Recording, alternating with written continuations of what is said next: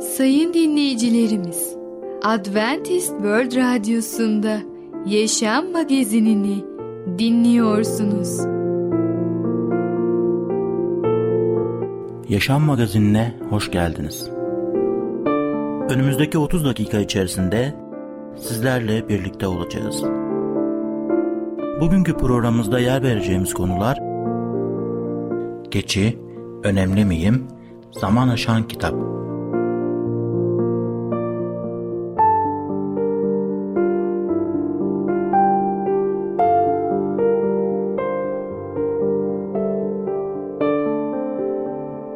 Adventist World Radyosu'nu dinliyorsunuz.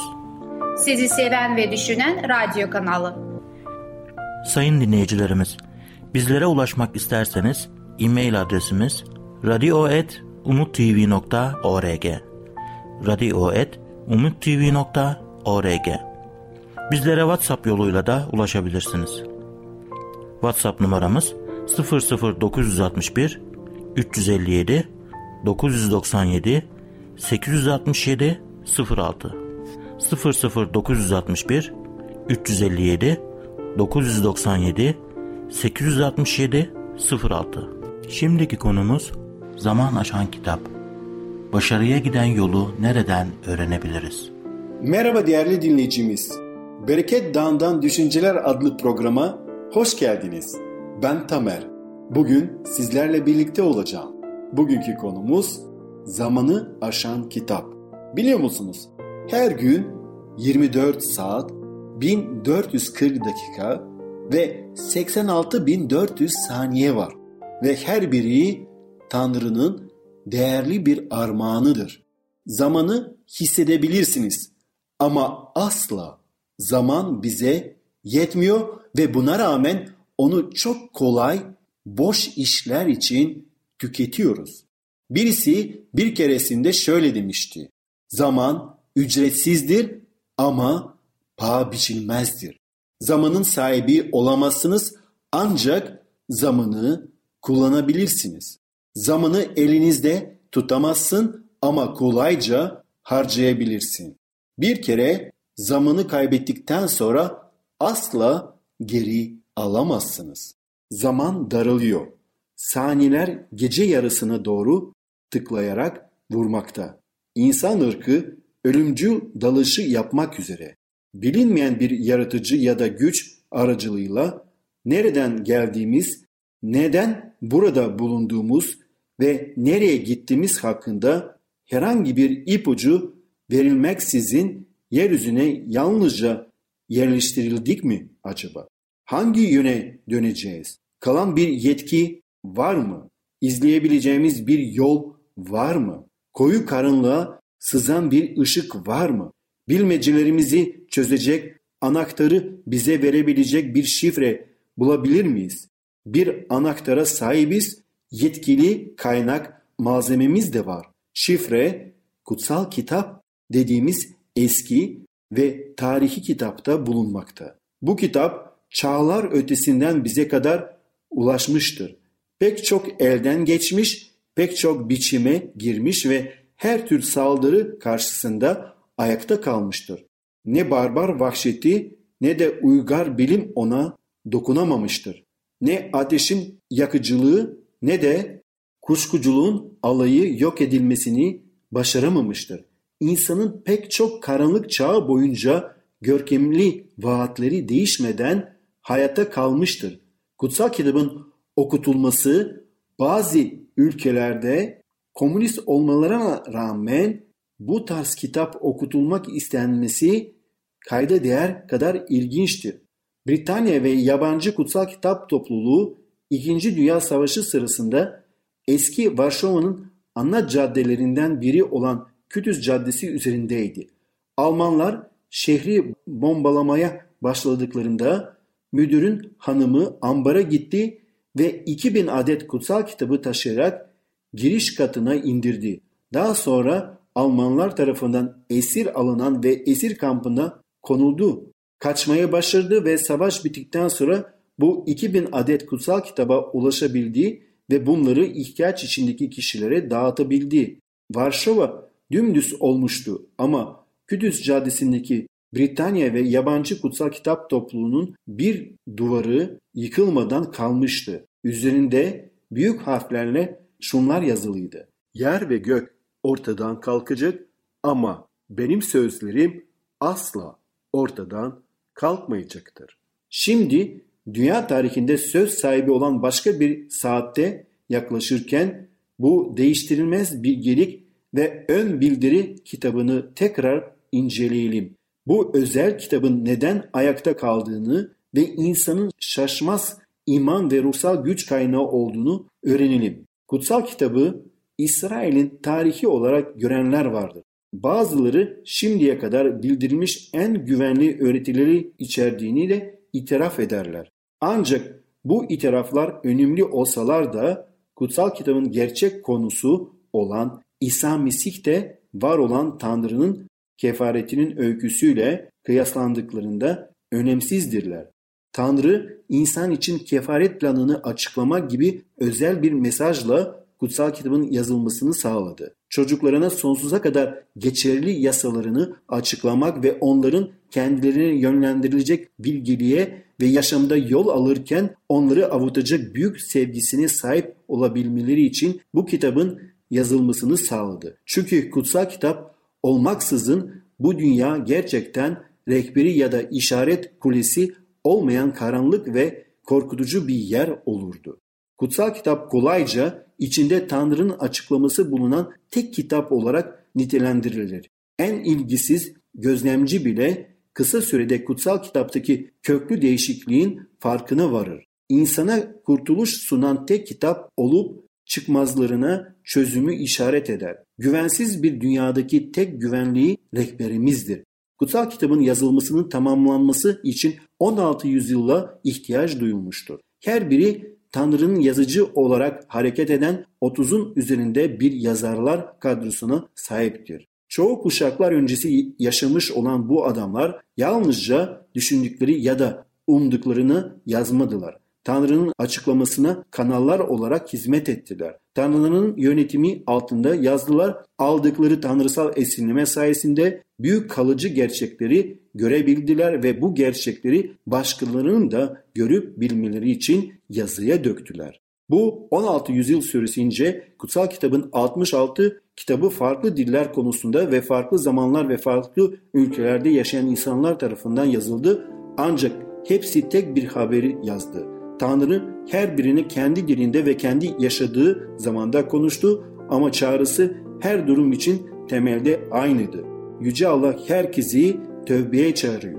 Kendi lütfunu, inayetini gösteriyor ve onların günahlarını affetme konusunda bir plan hazırlıyor. Ve o plana göre Efendimiz İsa Mesih bu dünyaya geldi ve bizim için öldü. Bizim günahlarımızın affedilmesi için o bizim günahlarımızı üzerine alıp o bu suçun üzerinde taşıdı. Ve böylece kim Efendimiz İsa Mesih'e iman ederse sonsuz yaşama sahip olsun ve böylece mutlu yarınlara Yüce Allah'ın yardımıyla yürüyebilsin. Değerli dinleyicimiz, bugün zamanı aşan kitap hakkında konuştuk. Bir sonraki programda tekrar görüşmek dileğiyle, hoşça kalın.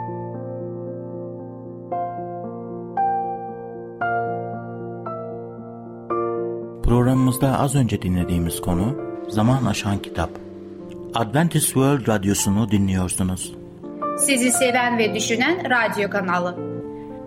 Sayın dinleyicilerimiz, bizlere ulaşmak isterseniz e-mail adresimiz radio.umutv.org radio.umutv.org Bizlere WhatsApp yoluyla da ulaşabilirsiniz.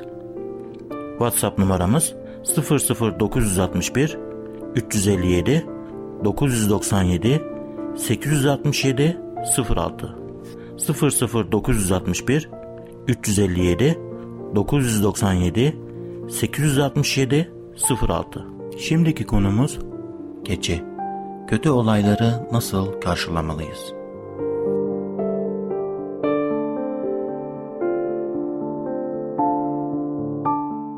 Merhaba ufaklık. Ben Fidan. Çocukların Dünyası adlı programımıza hoş geldin. Bugün seninle birlikte Keçi 2 adlı öykümüzü öğreneceğiz. Öyleyse başlayalım. Keçi 2 Mehmet hani biliyorsun ya kadın dedi. Çukurova'dan sana neler getirdiydim iki yıl önce. İki öküz parası da getirdiydim.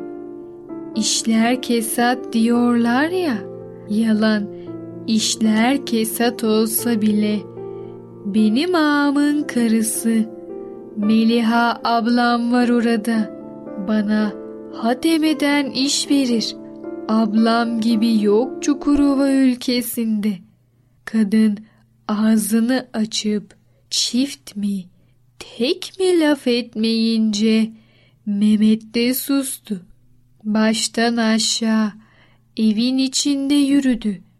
Sonra kapıya kadar gitti.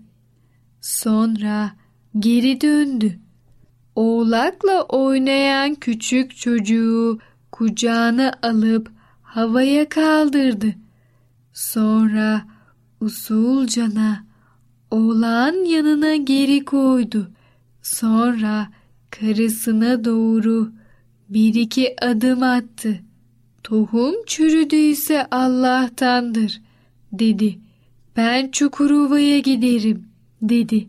Ne kadar para kazanırım bir gör. Ta yüreğinden yüreği sökülürcesine bir ah çekti. Korkma gayrı. Ben o zamana kadar yetiştiririm sana parayı. Komşularda da ödünç un alacak kimse yok. Milletin hepsi bizim gibi. Kadın gene aldırmadı. İşte bu tutum Mehmet'in içine dert olup kalıyordu. Mehmet kıvranıyordu. Kadınsa çenesini sağ dizine dayamış, gözlerini de ocağın küllerine dikmişti. Mehmet'in burasına gelmişti. Ters ters karısını süzdü. Sonra dayanamayıp dışarı çıktı. Kapının yanında keçi için kesilmiş yeşil dallar duruyordu. Dalların üstüne oturup belini duvara dayadı. Başı zonkluyordu. Sonra birden kalktı. Altındaki dallardan bir kucak alıp götürdü. Keçinin önüne attı. Keçi hemencecik dalların arasına başını sokup hışırtıyla yemeye başladı. Mehmet keçinin başında kala kaldı. Gözleri de doldu. Kadın ilk kez başını kaldırıp bir keçiye bir de Mehmet'e baktı. Mehmet'le göz göze geldiler. Mehmet gözlerini karısından kaçırdı. Şaşkın şaşkın bir o yanına bir bu yanına baktı. Kocaman elleri telaşlı telaşlı sallandı. İki yanına döndü. Ne yapacağını bilmez bir hali vardı. En sonunda varıp oğlakla oynayan çocuğu okşadı. Yavru dedi. Yavru. Kadının gözleri Mehmet'in üstündeydi. Ya da Mehmet öyle sanıyordu. Mehmet koşar gibi dışarı attı kendini. Uzun, ince yüzü sararmış, kırış kırış olmuş, gözleri dışarı fırlamıştı. Kendinde olmayarak biraz daha dal kucaklayıp keçinin önüne attı. Karısıyla gene göz göze geldiler. Mehmet gözlerini gene kaçırdı. Çukurova'da kim demiş iş yok değil. Çukurova bu. Hiç iş olmaz olur mu? Hem bana ne? Benim orada ağamın karısı var. Abla dede. Dur orada. yüz tane ağa değer. İki gün sonra gideceğiz. Kadının başı hala dizindeydi. Durumunu hiç bozmamıştı. Yüzünde Mehmet'in söylediklerini duyduğunu gösteren hiçbir belirti yoktu. Mehmet, şu belimi büken unsuzluktur, dedi. Bir aylık un olsa, iş kolay. Gözlerini keçiden de bir türlü ayıramıyordu. Keçi başını dalların arasına sokmuş, dallardan boyuna yaprakları topluyordu. Keçi de ne iştahlı yiyor. Sözünü ağzından kaçırdı. Kadın birden başını kaldırıp Mehmet'in yüzüne hışımla baktı. Mehmet başını eğdi. Bir aylık unumuz olsaydı dedi. Kadın ayağa usul usul her bir yana dökülmüşçesine kalktı. Mehmet'e bakmadan sürünür gibi dışarı çıktı. Evet ufaklık, Keçi 2 adlı öykümüzü dinledin. Bazen hayatımızda zor günler olabilir. Fakat açlık için endişe etmemeliyiz. Bir sonraki programımızda tekrar görüşene kadar kendine çok iyi bak ve çocukça kal. Programımızda az önce dinlediğimiz konu Keçi. Adventist World Radyosu'nu dinliyorsunuz. Sizi seven ve düşünen radyo kanalı. Sayın dinleyicilerimiz, bizlere ulaşmak isterseniz e-mail adresimiz radio.umutv.org radio.umutv.org Bizlere WhatsApp yoluyla da ulaşabilirsiniz. WhatsApp numaramız 00961 357 997 867 06 00961 357 997 867 06 Şimdiki konumuz önemli miyim? Allah'ın sizi değerli olduğunuzu düşünmesi, sizi gerçekten değerli olduğunuz anlamına gelmez mi? Sevgili dinleyici merhabalar. Kaderi Değiştiren programa hoş geldiniz. Ben Ketrin. Bugün konumuza devam edeceğiz ve konumuzun ismi de insanlığın sorunu. Önceki programımızda şunu öğrenmiştik. Adem'le Hava'ya bir görev verilmişti ve o görevi onlar yerine getirerek Allah'ın sözünden çıkmamaları gerekiyordu. Fakat onlar verilen görevi yerine getirmediler. Daha farklı şeyleri öğrenmeye meraklıydılar. Peki üçüncü bölümde birden beşe kadar okuyalım bir bakalım neler oldu. Rab Tanrı'nın yarattığı yabanı hayvanların en kurnazı yılandı. Yılan kadına Tanrı gerçekten bahçedeki ağaçların hiçbirinin meyvesini yemeyin dedi mi? diye sordu. Kadın bahçedeki ağaçların meyvelerinden yiyebilirsiniz diye yanıtladı. Ama Tanrı bahçenin ortasındaki ağacın meyvesini yemeyin, ona dokunmayın yoksa ölürsünüz dedi. Yılan kesinlikle ölmezsiniz dedi. Çünkü Tanrı biliyor ki o ağacın meyvesini yediğinizde gözleriniz açılacak. İyi ile kötüyü bilerek Tanrı gibi olacaksınız. Yılan bize çiftçinin öyküsündeki hangi kişiyi hatırlatıyor? Şüphesiz genetik olarak değiştirilmiş tohumunu satan satıcıyı hatırlatıyor. Her ikisi de aldatmak için yalana başvurdular.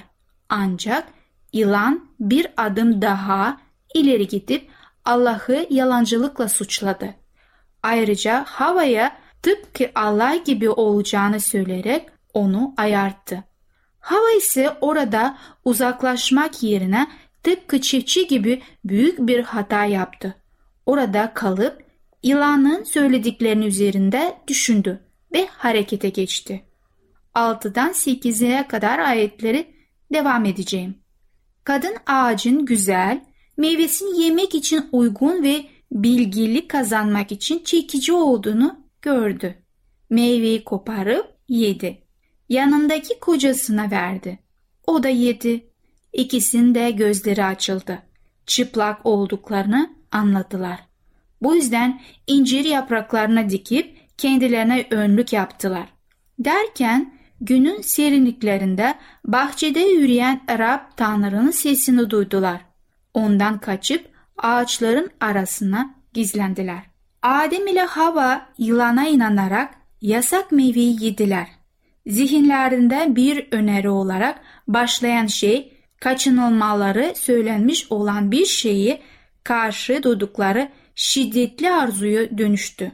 Bu arzu onların kendilerini yaratan Allah'tan kuşku duymalarına ve onun sözüyle etkisine karşı isyan etmelerine neden oldu. İsyanlarından utanarak üstlerini örtüler ve çalıların arasına saklandılar. Neler olduğunu 9'dan 12'ye kadar bir bakalım. Rab Tanrı Adem'e neredesin diye seslendi. Adem bahçede sesini duyunca korktum. Çünkü çıplaktım. Bu yüzden gizlendim dedi. Rab Tanrı çıplak olduğunu sana kim söyledi diye sordu. Sana meyvesini yeme dediğim ağaçtan mı yedin? Adem yanıma koyduğun kadın ağacın meyvesini bana verdi ben de yedim diye yanıtladı. Adem'de dramatik değişiklikler meydana geldiğini görüyoruz. Adem'in günah işlemeden önce korkması, utanması veya başkalarının suçlaması için hiçbir neden yoktu. Fakat günah işledikten sonra Allah'a karşı tavrı değişti ve başlangıçta bahçede birlikte yürüdüğü kişiden korkmaya başladı. Ayrıca çıplaklığından utandığı ve artık kendisinde Allah'ın huzurunda duracak gücü bulamadığını da görüyoruz. Yoldaşı olması gereken kadın ise artık günahın sorumlusuydu. Suçlu kişilerin hatalarından dolayı başkalarını suçlamaya eğilimli olmaları ilginçtir. Fakat gerçek şu ki hiç kimse suçların bedelini ödemeye yanaşmaz. Allah önceden cezasını ölüm olarak değerlendirdiği bu isyana nasıl karşılık verecekti? Kutsal kitaba geri dönerek 13'ten 24. ayetleri okuyalım. Rab Tanrı kadına nedir bu yaptın diye sordu. Kadın yılan beni aldattı o yüzden yedim diye karşılık verdi. Bunun üzerine Rab Tanrı yılana bu yaptığından ötürü bütün evcil ve yabanı hayvanların en lanetlisi sen olacaksın dedi. Karın üzerinde sürünecek, yaşamın boyunca toprak yiyeceksin. Seninle kadını, onun soyunla senin soyunu birbirinize düşman edeceğim. Onun soyu seni başına ezecek, sen onun topuğuna saldıracaksın. Rab Tanrı kadına, çocuk doğururken sana çok acı çektireceğim, dedi. Arı çekerek doğum yapacaksın. Kocana istek duyacaksın. Seni o yönetecek. Rab Tanrı Adem'e karın sözünü dinlediğin ve sana meyvesini yeme dediğim ağaçtan yediğin için toprak senin yüzünden lanetlendi dedi. Yaşam boyu emek vermeden yiyecek bulamayacaksın. Toprak sana diken ve çalı verecek. Yaban otu yiyeceksin. Toprağa dönünce dek ekmeğini alın terini dökerek kazanacaksın. Çünkü topraksın. Topraktan yaratıldın ve yine toprağa döneceksin. Adem karısına Hava adını verdi. Çünkü o bütün insanların annesiydi. Rab Tanrı Adem'le karısı için deriden giysiler yaptı, onları giydirdi. Sonra Adem iyi ile kötüyü bilmekle bizlerden biri gibi oldu dedi. Artık yaşam ağacına uzanıp meyve alamazsın. Yiyip ölümsüz olmasına izin vermemeli. Böylece Rab Tanrı yaratılmış olduğu toprağı işlemek üzere Adem'i Aden bahçeden çıkardı. Onu kovdu. Yaşam ağacının yolunu denetlemek için de Adem bahçesinin doğusuna köruvlar ve her yana dönen alevli bir kılıç yerleştirdi. Değerli dinleyicimiz, bir sonraki programda tekrar görüşmek dileğiyle. Hoşçakalın. Programımızda az önce dinlediğimiz konu önemli miyim? Adventist World Radyosu'nu dinliyorsunuz. Sizi seven ve düşünen radyo kanalı. Sayın dinleyicilerimiz, bizlere ulaşmak isterseniz e-mail adresimiz radio.umutv.org radio.umutv.org Bizlere WhatsApp yoluyla da ulaşabilirsiniz. WhatsApp numaramız 00961 357 997 867 06 00961 357 997 867 06 Gelecek programımızda yer vereceğimiz konular kalın bağırsak temizliği, Mesih'e iman deneyimi, kiliseyi oluşturmak. Yaşam Magazini adlı programımızı pazartesi, çarşamba ve cuma günleri aynı saatte dinleyebilirsiniz. Bir programımızın daha sonuna geldik. Bir dahaki programda görüşmek üzere, hoşçakalın.